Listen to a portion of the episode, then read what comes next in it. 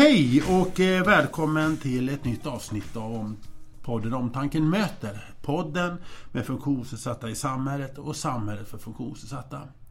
Nu befinner jag mig i Hedemora och har besökt en verksamhet som betyder så mycket för så många. Och de som gör det här, de har liksom ler lite så här vänligt och säger ja, det här är vi vana vid. Jag kommer till eh, Anpassarna Gunerius i Hedemora.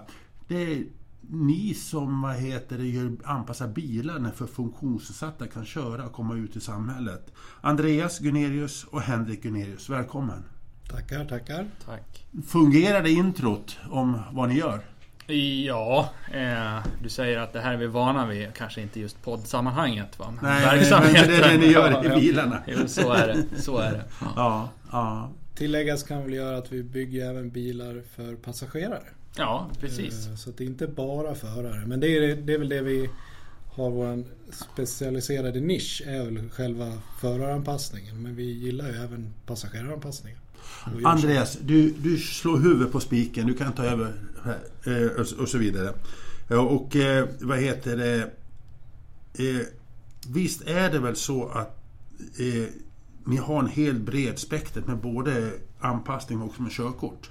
Och nu vänder jag mig till dig Henrik, för det var du som sa det. Ja. ja. Jo men det stämmer. Vi har, vi har ju både, vi har väl egentligen tre ben kan man väl säga. Vi har då anpassarna här där vi bygger alla anpassningar och gör alla fordonsombyggnationer. Men vi har även en trafikskola där vi då tar, hjälper folk att ta körkort med funktionshinder. Sen har vi då ett, ett litet mindre spår där vi även utvecklar eh, produkter, Swede Adaptation. Så vi har tre bolag egentligen som mm. jobbar inom den här branschen. Mm. Så att... Men, vad heter det? För det är väl mest man känner igen er. Det är väl eh, att ni anpassar bilarna ja, för precis. Och körskolan vart väl... Hur, hur är, jag kommer inte ihåg exakt när vi tog över körskolan. Det kanske du har bättre koll på? Ja, jag skulle vilja säga att det gjorde vi 2010. Va? Eh, så sen dess har det varit liksom i, i familjens ägo, även trafikskolan.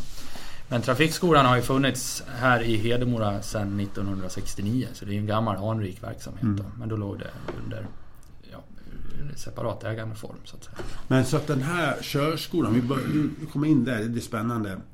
Det finns ju massor av körskolor. Mm. Men har den här någon eh, kunskap, just specialkunskap för funktionsnedsatta också? Det man... skulle jag absolut vilja påstå. Eh, alltså både när vi pratar om rena fysiska eh, funktionsnedsättningar men också de har ju van, stor vana att jobba med eh, med elever med, med, med, olika former av inlärningsproblematik. Eh, eh, allt från svårare läs och skriv Ja, det är ju inte svårigheter bara... så att säga. Och, men svåra diagnoser också. Så ja. det är många gånger det sista utposten för eh, ungdomar eller yngre människor i regel som vill ta körkort. Mm. Eh, är ni då? Blir ni? Det, det blir vi, ja, ja. precis. Och, och då, då, gäller det om du har mistat ett ben eller, eh, eller bara kan röra på, på fingerspetsarna. Eh, eller att du har svåra inlärningssvårigheter som gör att, du inte, att en vanlig trafikskola inte funkar för dig. Eh, så det, det, är en, det, är en viktig, det är en viktig verksamhet. Och vi har ju elever som kommer från hela landet till oss. Eh, så det är ju, eh, vi har ju mer, mer, mer, mer, mer riksupptagen lokalt så att säga eh, på våra elever. Men kan man tänka sig så här att Kommer man till er för att ni vet era andra ben, men liksom att man anpassar bilarna eller, och tar körkortet direkt hos er eller börjar man på sina respektive platser i landet? Då? Det ser nog väldigt olika ut. Eh, och det är svårt att ge ett svar på det. Eh, vad vi har sett det är dock att många försöker eh, på liksom traditionella trafikskolor alldeles för länge innan man, man liksom tar hjälp av oss. För då kan man kanske fixa körkortet på fyra, tre, fyra veckor hos oss intensivt. Då. Medan vissa har hållit på kanske ett par, tre år hemikring och prova traditionella trafikskolor. Liksom. Mm. Jag inbillar mig, är det så också att, att ni ser varje individ mer i, det på det viset än vad man gör på en Det är den stora skillnaden att vi har liksom all, all, alla delar av utbildningen kan vi erbjuda på individuell basis och mm. individanpassad utbildning. Eh, vi kan till exempel, vilket en traditionell trafikskola har väldigt svårt att erbjuda, alltså i, i individuell teoriutbildning. Där man sitter en och en med sin lärare och får hjälp att gå igenom körkortsboken. Mm. Det är en enkel grej för många som inte har besvär med Mm. av den här typen. Att man förutsätter att det, kan man, det gör man som självstudier på en traditionell trafikskola. Läs boken, eh, men vi har ju elever som inte klarar det. Och kommer vi sen till fysiska funktionsnedsättningar, ja då erbjuder ju vi anpassade bilar. Vilket naturligtvis inte en traditionell trafikskola har tillgång till. För där har vi ju i princip alla tänkbara eh, anpassningar som kan Men behövas. de lärare som ni har eh, där, har de fått en specialutbildning som inte många andra lärare har i andra? Det finns ingen utbildning på det här utan det, utbildningen den sker i yrket. Eh, eh, så att säga. Eh, och, och det, det är inte vem som helst, om jag får uttrycka mig så, som klarar av den här, att vara så mångfacetterad. Att ena stunden jobba med en människa med, med diagnoser som, som, som kan besvära i, inlärningen då. Och andra gången mm, jobba med människor med svåra funktionsnedsättningar. Eh, det, det ställer vissa krav. Jag inbillar mig att det blir liksom lite samtal emellan. Där ni själva, vi har en person här med den, den förutsättningarna och hur ska vi lösa det? Jag kan tänka mig att det blir en hel del förberedande samtal internt som gör. Mellan verksamheterna, Ja, trafikskolan och anpassningen, Ja. definitivt. definitivt. Den, den ena skulle inte klara sig utan den andra och det gäller i båda riktningarna. Ja, när det blir de, de tekniska frågorna då blir vi väldigt tidigt inkopplade. Så ett första besök kanske rent av görs på våran verkstad, inte på skolan. Utan då tittar vi då vad, vad har vi för förutsättningar, vad kan vi göra, vad fungerar och vad, vad kan vi bygga vidare på. Och det är ju det, är det vi tycker är Men spännande. det måste vara roligt. roligt jobb. Ja, men det är roligt. Det måste kul. vara vansinnigt. Just det att kunna se den här personen. Hur ska vi lösa det här? Jo, men vi brukar säga det. Vi tittar ju på vad som fungerar, inte på vad som är trasigt. Ja. Och det är ju många andra som gör det. I alla andra verksamheter tittar man på benbrottet. Vi, ja okej nu, Ja. nu tittar vi till vilka möjligheter har vi att kunna göra någonting istället. Vi är ju inte intresserade av, av om, ursäkta uttrycket, men de sjuka kroppsdelarna eller de kroppsdelar som saknas. Utan vi fokuserar ju bara på vilka förmågor våra kunder, kunder fortfarande har. Va? Det är det som är intressant. Precis så rätt. För att jag brukar oftast... Jag har ju två utvecklingsstörda, eller funktion, intellektuellt funktionsrätta pojkar själv. Mm. Och jag får ofta frågan, vad kan de inte göra? Mm. Då brukar jag säga, vänd på frågan Ja. istället. Vad kan de göra? Fullkomligt ointressant vad de Ja. inte kan göra. Ja. Allt de fortfarande kan är det intressanta. Ja. Men den här, jag, jag, nu hoppar vi det här lite, men jag måste ta bollen på en gång. Den här inställningen, var har ni fått den ifrån? För den är ju så klok. Oj, ja men som sagt det här är ju alltså... Det är, handen på hjärtat, det är ingenting jag eller Henrik har skapat det här. Eh, Nej. Det här är ju som jag var inne på en verksamhet som har funnits sedan 1969 på orten. Eh, Så enkelt är det ju. Eh, och, och som har vuxit fram. Trafikskolan är precis lika gammal som fordonsanpassningen här. Mm. Eh, och eh, det, de har ju alltid, de två olika verksamhetsgrenarna, liksom existerat i en symbios eh, här. Haft behov av varandra. Ja, exakt, exakt. Och sen... Eh, eh, ja, vi har väl fostrats in i det här. Eh, Vår Ja. far drev företaget före oss. Ja. eh, och När tog han över? Eh, det, det, det föll i familjens ägo 1997. Ja. Eh, gjorde det. Så Ja. sen, eh, sen dess då. Dessförinnan så drevs det av AMU-gruppen. Ja. Ja. Och ni har tittat på eran far. Vad heter er far? Vi måste... Torsten. Torsten, man måste ha respekt för... Det finns ett namn också. Och så vidare. Eh, lever han fortfarande? Absolut. Är, absolut. är han här och tittar till er ibland? Eh, en gång i kvartalet Ja. ungefär.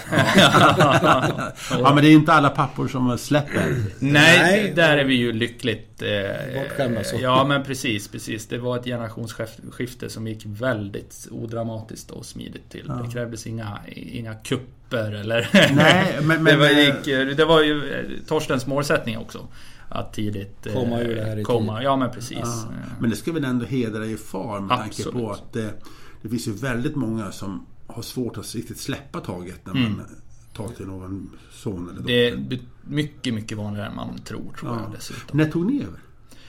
Ja, det har ju skett gradvis. Eh, Är det kan man säga. Tio år sedan nu. Som Torsten helt trädde åt sidan. Ja, Ja, det är det. ja. Eh, Och sen kan vi väl säga att det var en avtrappning som pågick i Fem år. ja, fem, åtta år in dessförinnan. Men under hela er yrkesuppväxt, om jag uttrycker mig som så, eh, så har ni liksom mött många funktionsnedsatta och fått det här tänket. Jag tänker det här åt, återkopplat till det här fokus på vad man kan göra Mm. inte kan. Ni, jag kan tänka mig att ni måste ha fått den där automatiskt på något sätt. Se- Ja, och man har väl liksom vad ska jag säga, successivt tagit fler och fler kliv där man då har kanske sett en utmaning som man verkligen inte trodde skulle gå att lösa.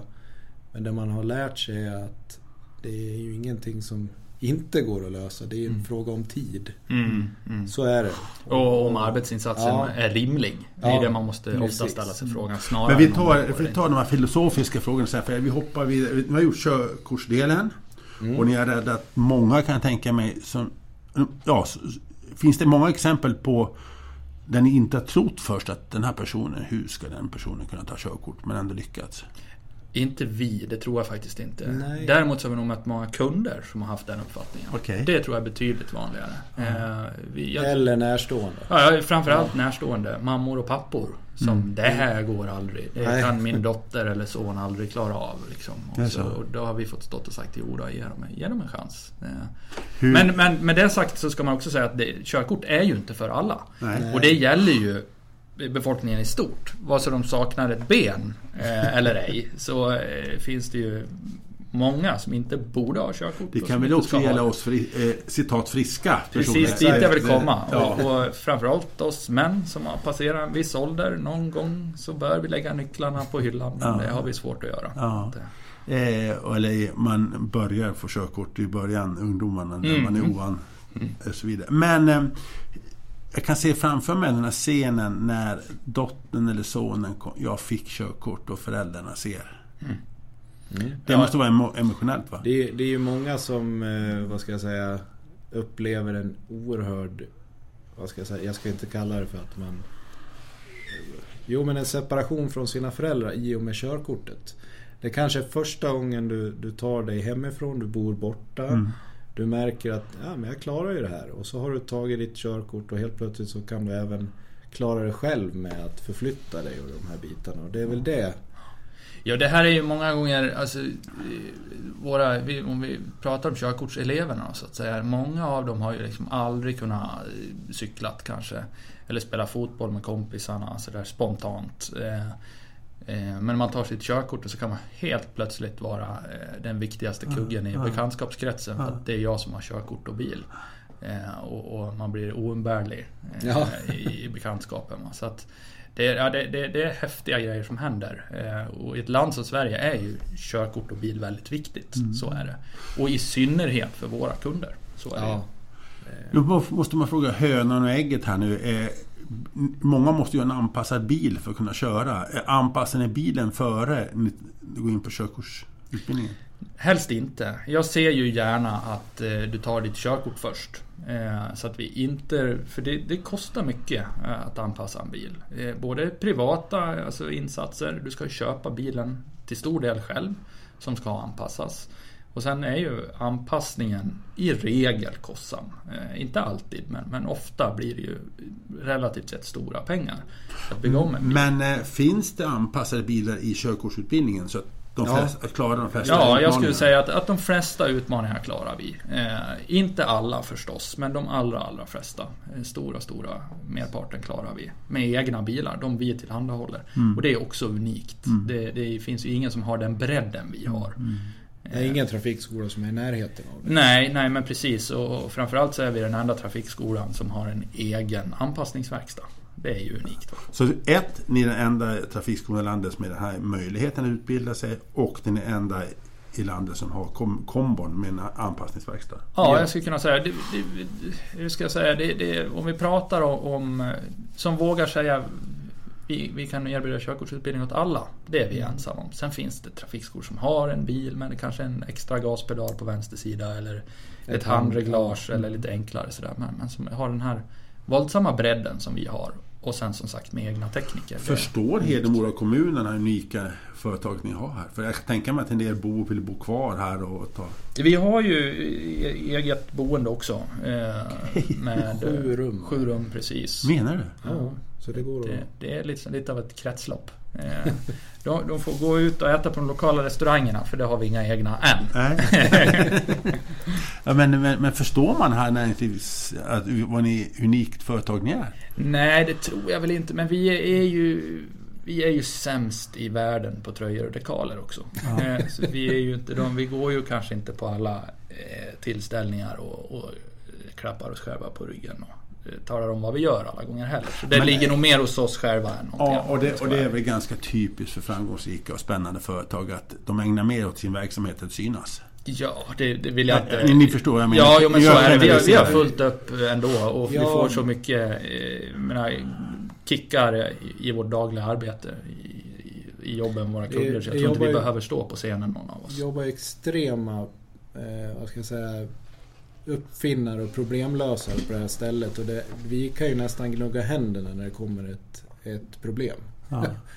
Nej men det, det blir verkligen så att, åh hur ska vi lösa det här? Ja men vänta nu, vi sätter oss ner i en grupp och sen diskuterar man, man provar olika saker. Och, så har man knäckt det där. Och då, det där har man ju med sig hela tiden. Så vi har ju... Och det där vad heter det, är ju väldigt spännande med tanke på att ni kan skapa egentligen en bil som är personligt anpassad för varje bil. Eller har jag fel nu i... Nej men det är precis så det är. Många tror ju då att en anpassning bara kan levereras till person nummer två, men så är det ju inte. Det är ju en del anpassningar som bara kan, så ja, där du kan egentligen låna ut den till en kompis. Mm. Men de flesta anpassningar är ju verkligen gjorda custom made för den personen som ska köra bilen. Vi säger så här nu att... Eh, vilket Gud förbjuder att jag, att jag då en dag hände mig någonting att jag måste ha en bil.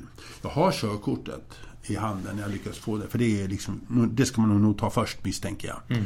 Sen kommer man till er, jag skulle vilja ha en bil. Hur, hur, hur är gången så att säga? Generellt? Ja, men det, om vi sätter finansieringsfrågan åt sidan då. Mm. För den styr ju naturligtvis Den tar vi väldigt näst- mycket. nästa ja, steg. Mm. Precis. Nej, utan vi, eh, det, är ju, det är ju enkelt. Vi gör en, en bedömning av dina kvarvarande förmågor om vi Mm. så säger. Och därefter en rekommendation om vilken anpassning du behöver. Mm. Hur sköter du gasen? Hur sköter du bromsen? Hur ska du sköta styrningen?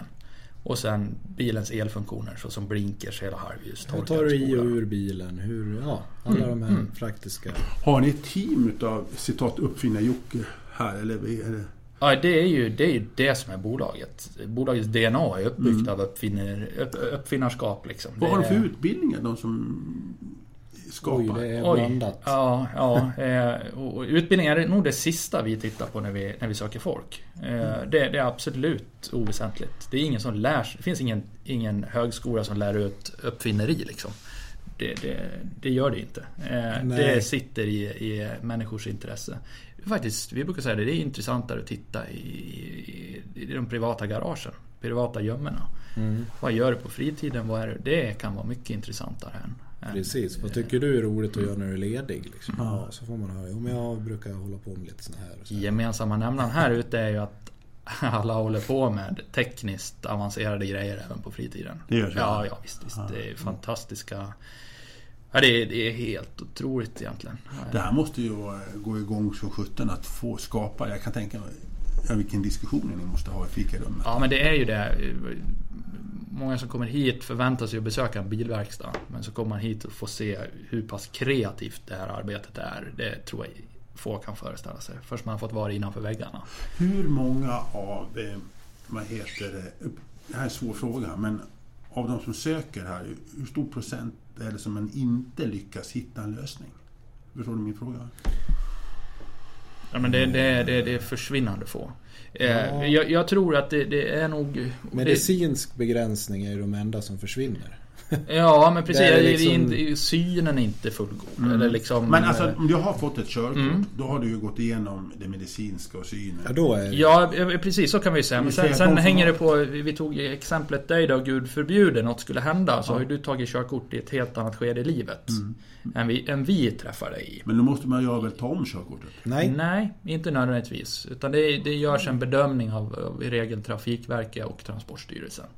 Eh, då, utan att gå in allt för noga i den processen så ska ju en läkare dra i larmsnöret. Eh, din behandlande läkare ska ju säga, men du vänta här finns det nog hinder för Anders eh, körkortsinnehav.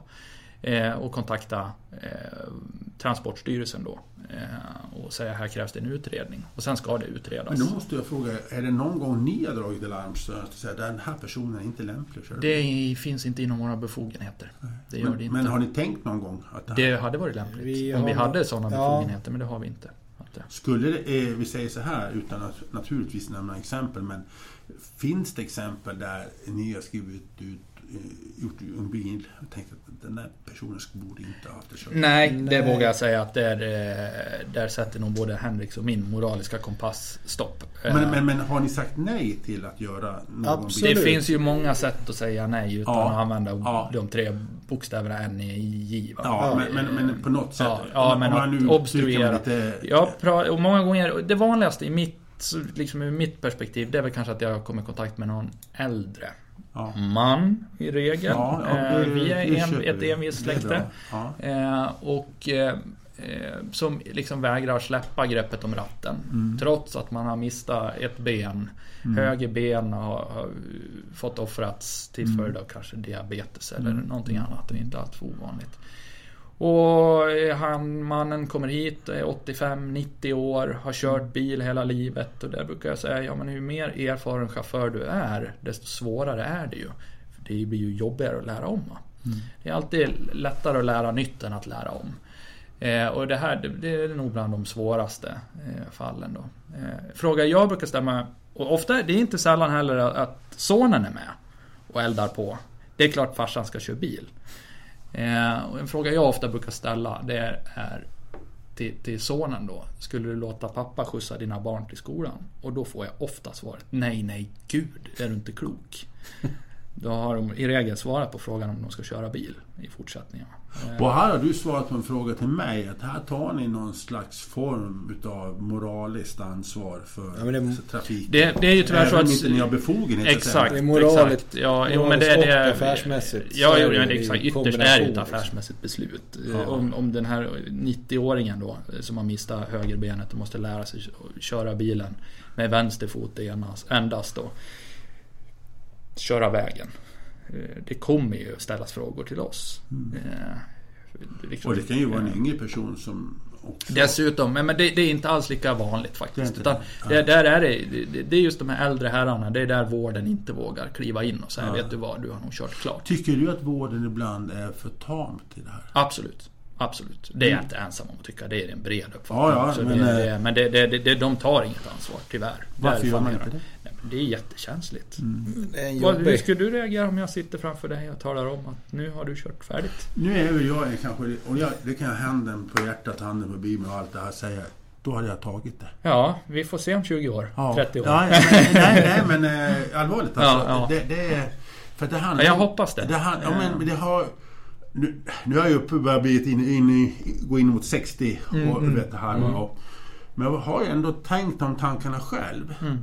Att hur länge kan jag köra bil? Mm. Alltså jag hoppas jag kan köra minst 10 år till. Mm, mm, men, men, mm. men någonstans tar det slut. Mm. Och det är inte för min skull.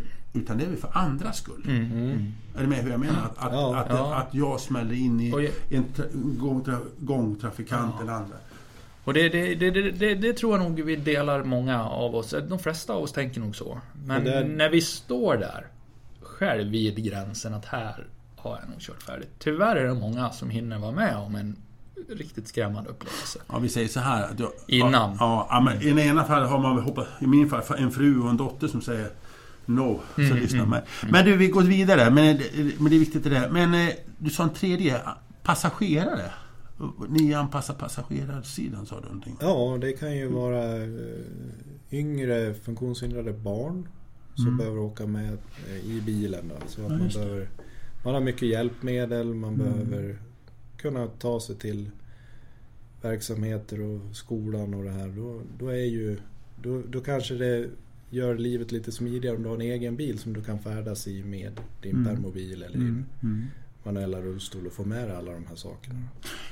En fråga jag tänkte, nu kommer vi på ekonomin. Mhm. Eh, och det ler ni båda två. Men det ser jag... eh, Jag vet att jag var här för många år sedan. Vi kände vi igen varandra liksom. Mm. Och, och då kommer jag ihåg också att vi pratade om ekonomin. Att är- alla har inte råd med det här.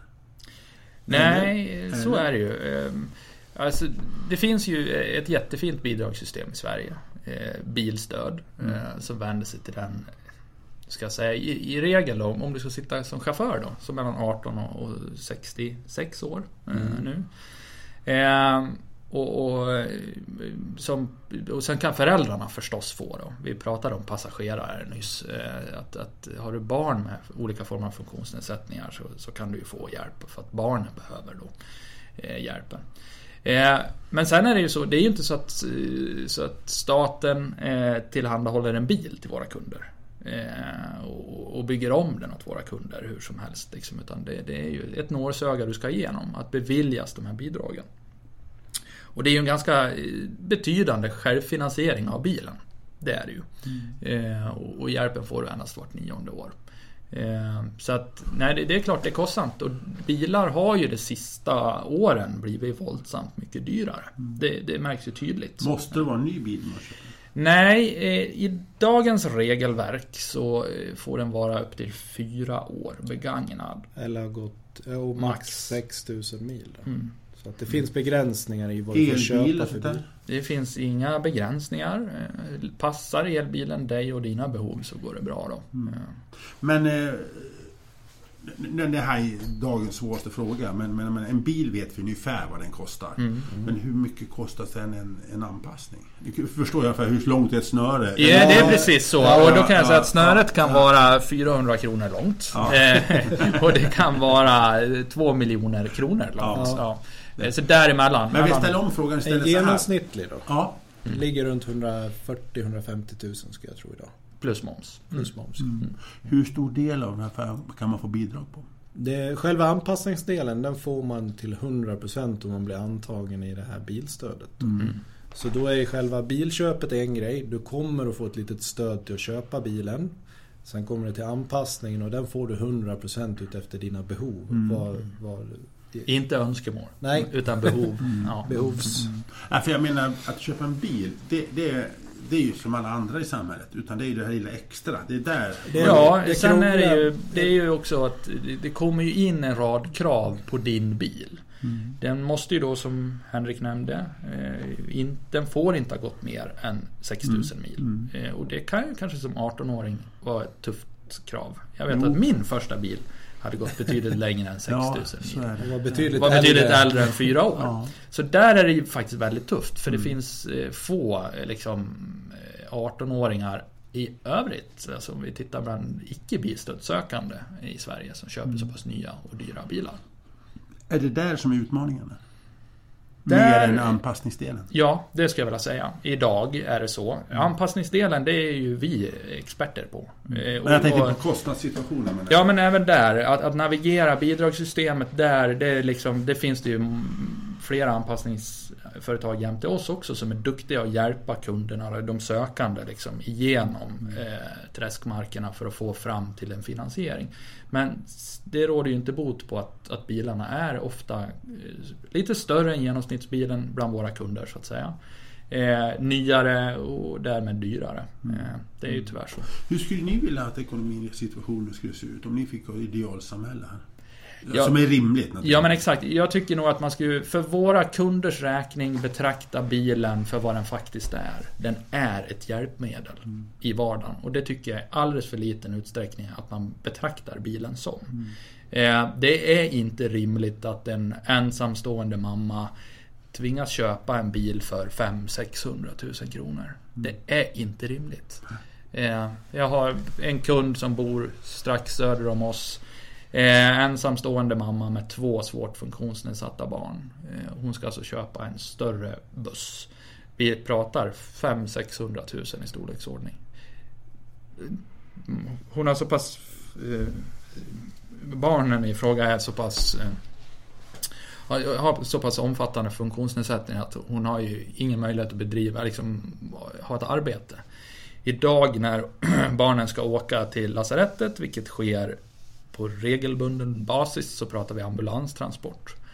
Eh, för att fullgöra sin egen transport. Och då sitta och säga att vem som helst köper en bil, det är rimligt att man lägger, betalar bilen själv, vilket det är till viss mån. Men inte till den mån det är idag. Inte de det är alldeles, alldeles, alldeles för dåliga bidrag. I många fall. Ser ni en ljusning i situationen? Nej, inte när, inte när vi pratar om ekonomiska bidragen för inköp tyvärr. Där det finns en alldeles för låg förståelse för hur pass viktig bilen är för våra kunder. Eh, Det gör det. det. Där ser jag tyvärr ingen. På många andra delar finns det ljusningar. Eh, Men, men inte, inte tillräckligt bra. Mm. Det, det. Vi går tillbaka till min ljusare sida. Eh, vi, vi börjar närma oss snart slutet här men eh, Ni måste berätta någon ek- anekdot. Någon familj eller person eller så som har fått kunnat tagit körkort och fått en bilanpassning. Någon glädjen hur liksom fått ett liv. Berätta någon, någon sån anekdot som är Ja, hjärtevärmande. Den första jag kommer att tänka på, vi, vi bygger ju... Bland annat en av de vanliga anpassningar vi gör är ju en form av... eh, Ja men... Vi kallar det lite slarvigt för en rullstolsrobot. Det är alltså en lastningsanordning som kan lyfta in en manuell rullstol i en bil. Eh, Smidigt och enkelt för användaren. eh, Och på så, Applicerbart på många bilmodeller. Ja, men precis. Går väl i princip då. Eh, om vi förenklar det hela. Eh, I princip på vilken fyrdörrars bil som helst. Liksom, sätter vi in i bakdörren. Och det här är ju... Var ju nytt av sitt slag när den kom för 15-20 år sedan. Mm. Tog marknaden lite med storm.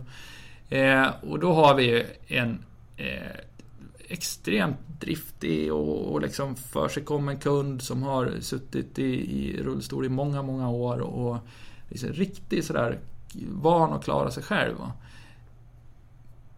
Och hon ringer en lördag till Henrik eh, och säger det. Vet du vad Henrik? Jag är så himla glad. Förlåt att jag ringer och stör dig på en lördag.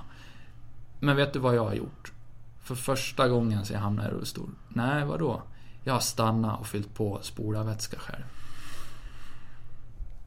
Och den lilla skitgrejen som vi alla tar för givet att bara stanna till när vi ändå tankar och fylla på spolarvätskan. Det kan vara ett motstånd, vet du vad? Jag kämpar på utan spolarvätska de sista milen. Så får gubben fixa det när jag kommer hem. Men tack vare den anpassningen och det är som sagt, det var inte hennes första anpassade bil. Men det var första anpassade bil med en rullstolsrobot. Som gjorde att det var inget besvär att ta ett extra stopp på resan. Hon var stolt. Ja, hon var stolt och en självständighet som Trots då att suttit i rullstol i över 20 år. Första gången man känner det. Så det är liksom inte bara ungdomar. Nej, nej, Utan och- det, det är liksom... Och det, Och, ja. och det, det som var... Det kommer ju till det här att man tar allt så för givet. För när jag fick det där samtalet Då vet jag att min fru reagerade i soffan. Vad var det där? Så jag, för, ja, nej men det var Kerstin som ringde. Jaha, ja vad ville hon? Ja, ja, hon ville bara berätta att hon hade stannat och fyllt på spolarvätska och, och ja, bad om ursäkt att hon ringde och störde. Men hon, hon tyckte det var så skönt att kunna göra det själv. Och då började min fru nästan gråta. Hon bara, förstår du inte vad det här betyder? Om hon väljer att ringa dig för att berätta det så är det ju en frihet och en... Alltså att hon, nu gjorde hon det själv liksom. Mm. Och det, det, ja. Det, så man Det blir, måste vara många tårar. Jag inbillar mig att en hel del tårar när de hämtar bilen och får åka härifrån. Ja, ja, ja, jo men absolut. Det förekommer. Det var betydligt vanligare för eh, sociala mediers eh, intåg och så vidare. Idag är, är vi tack och lov väldigt upplysta de flesta av oss och Ja. vet att vilka Ser möjligheter... allt. Exakt, och man, man, men, men eh, man var ju, det var ju det vi gjorde för 20 år sedan var väl kanske lite mer eh, liksom, mystificerat och, och eh, obekant för många. Ja. Så att det var många som... Men fler med- som fick en aha-upplevelse. Med, med joystickstyrning liksom. Snart, man kunde ju läsa Expressen för kanske 15-20 år sedan. Mm. Snart kan man köra med joystick. Ja, men Då hade vi byggt det redan i, I 30 år. Ja, i bilar. Vi Ja. kör redan med Ja. joystick i Hedemora. ja visst. Du, eh, hur går företaget ekonomiskt? För vår del går det tack och lov väldigt bra. Eh, det gör det. Eh, vi har en tacksam position på marknaden. Eh, men, men vi hade ju gärna sett lite mer konkurrens. Faktiskt. Och, och det här är ju så konstigt. Hur mycket, vänta, hur mycket omsätter ni? 20, närmare 26 miljoner Ja. ska jag tro. Ja. Hur många anställda har ni? 20, om vi pratar bilanpassningen. Ja. eh, Så 19. 19-20. Ja, Och sen, Ja. kör, sen körkortsutbildningen. ja det är vi ytterligare 4-5 Ja. någonstans. Ja. Anställda där. Men du säger så här. Du är lite Kalle bakom. här. Du vill ha mer konkurrens. Varför Mm. Ja, men, det? Jo, men inte- precis. Eh, Det finns ingen som i nordligaste Norrland åker ner till Hedemora för att få hjälp med en anpassning för 400 kronor. Det säger sig självt. Mm. Eh, Utan då står man över. Det blir för jobbigt, för besvärligt. Och eh, det behövs fler ombyggare i Sverige. Eh, Men de har tyvärr på grund av liksom oschyssta villkor från, från finansiär, finansiärens sida, Försäkringskassan, slagits ut en efter en. Och det byråkratiska arbetet. Ja, ju det är där- väldigt det. betungande. Det är väldigt betungande. Du måste vara våran storlek för att orka i längden. Eh, driva byråkratin som Försäkringskassan ställer upp. Vad är, för Försäkringskassan? På vilket sätt går Det är, de- det är ju de som, fin, som sköter finansieringen av bilstödet som vi var Mm. inne på tidigare. Mm. Och det, det, är en, det är en byråkratisk drake alltså, systemet. Och vi måste lägga mycket tid på att utbilda kunderna, hjälpa dem i ansökningsprocessen. Och det har liksom inte den lilla ombyggaren tid och energi till. För de har fullt upp att bygga bilarna de har på Så verkstaden. att det, det du säger med konkurrens, det är nog mer omsorg över funktionsnedsatta Ja. än, av, om er själva? Ja, ja. Absolut, absolut. Det, det kan ju, man kan ju likna det vid att om du då är ensamföretagare och jobbar inom den här lilla nischen. Så kanske du får lägga 20% på de facto skruva och stoppa i de här anpassningarna som genererar pengar in. Mm. Resterande 80 ska du lägga på byråkratiska onödigheter. Alltså, du vill hjälpa till att förklara, att svara på frågor, eh, leverera svar när man ringer. Och det, det blir alldeles för betungande för det, mycket av de här frågorna är fullkomligt onödiga. Ja, det är, det är byråkratin som är det absolut främst kostnadsdrivande idag i branschen. I Finns anpassningsbranschen. det, hur många anpassare finns det? Ja, vi har ju en branschförening eh, som organiserar oss bilombyggare och jag tror, om inte jag är alldeles ute och cyklar, eh, 11 företag förutom oss på den listan idag. Mm. Då ska jag stryka en eh, som, som har lämnat precis här Valt förra veckan. Men då... På, Som jag inte har strukit än. Då, som eh, inte gick, fick ihop det? Ja, olika anledningar förstås. Det är Ja, aldrig enkelt. inte Men, nej, men precis. Ja. Eh, Men, men som har bestämt sig för att lämna branschen. Men viktigaste frågan, det finns alltså allt för många människor idag med funktionsnedsättningar som skulle kunna ta körkort, som skulle kunna köra bil och har råd att göra det, men inte har tillgång. Ja, det skulle jag säga att det, det, det, det är definitivt ett mörkertal i alla fall. Och jag tror att det är betydande. Eh, Men däremot så tror jag att det är den finansiella biten som är största hindret idag. Kravet på den dyra bilen. Ja, exakt. Och sen ska man komma ihåg också... eh, Det här är ju en så märklig reform, bilstödet. Det är ju det är en reform väldigt få känner till att den existerar. Ännu färre vet hur den fungerar. Och det kan man ju säga att det är ett väldigt individuellt system. Så vi har ju många kunder där systemet är perfekt och fungerar alldeles oklanderligt för. Men det finns en klick eh, som har drabbats väldigt illa av hur systemet ser ut och fungerar. Eh, och de hörs väldigt väl. Det är väldigt synd om de här individerna också. Men det är de vi läser om i sociala medier, de det inte fungerar för. Så att det, det är ju många som inte ens söker också. För att man har hört att, det inte fungerar så fungerar. illa. Ja, så att det, det, det är en svår nöt att knäcka det här. Jag tror att angreppssättet måste vara att göra stödet fungerande. Mm. Men alltså, om jag nu förstår lite lekmannamässigt, alltså själva nöten att knäcka det är att ha råd att köpa den dyra bilen som pass, som, eh, och så vidare. Det, det, är, det är inte själva anpassningen Nej, i sig nej, nej. som är Nej, svårt. Utan, nej, ja. och, och många kanske kan tro att det är anpassningen som kostar, men det är den dyra bilen som Mm. är, är nöten. Har jag förstått det? Ja, idag Ja. skulle jag vilja säga att det är så. Och då handlar det om att hitta ett bidragssystem så man kan ha råd att köpa den dyra bilen. Ja, Ja, eller det- kanske, kanske anpassa bidragssystemet att det inte behöver vara den dyra bilen nödvändigtvis. Mm. Att man kanske har ett system som medger inköp av lite Varför billigare är det bilar. dyr bil? För jag menar tekniken. man vill att den, man, den bilen ska hålla i nio år. Du får det här stödet vart nionde Jaha. år. Och då ställ, då, vilket jag tycker är rimligt att ställa krav. Däremot måste man även titta på, man, man kanske kan se på det på fler sätt. Om vi ska investera 400 kronor i en bil, då kanske det inte behöver kosta 500 000. Mm.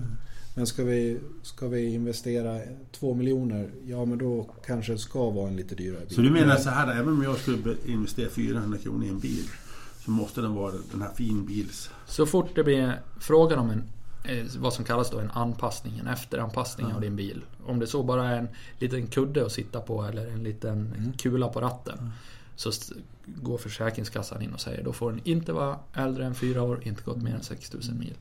Eh, inga undantag. Och här givetvis beroende på vilken typ av funktionsnedsättning man har så har du ju olika biltyper som du går in i. Och det är klart att en fyra år gammal eller 6000 mil har du behovet av en småbil. Då, kan, då behöver du inte köpa en för 500-600. Men Mm. det blir fortfarande en väldigt dyr bil. jag förstår.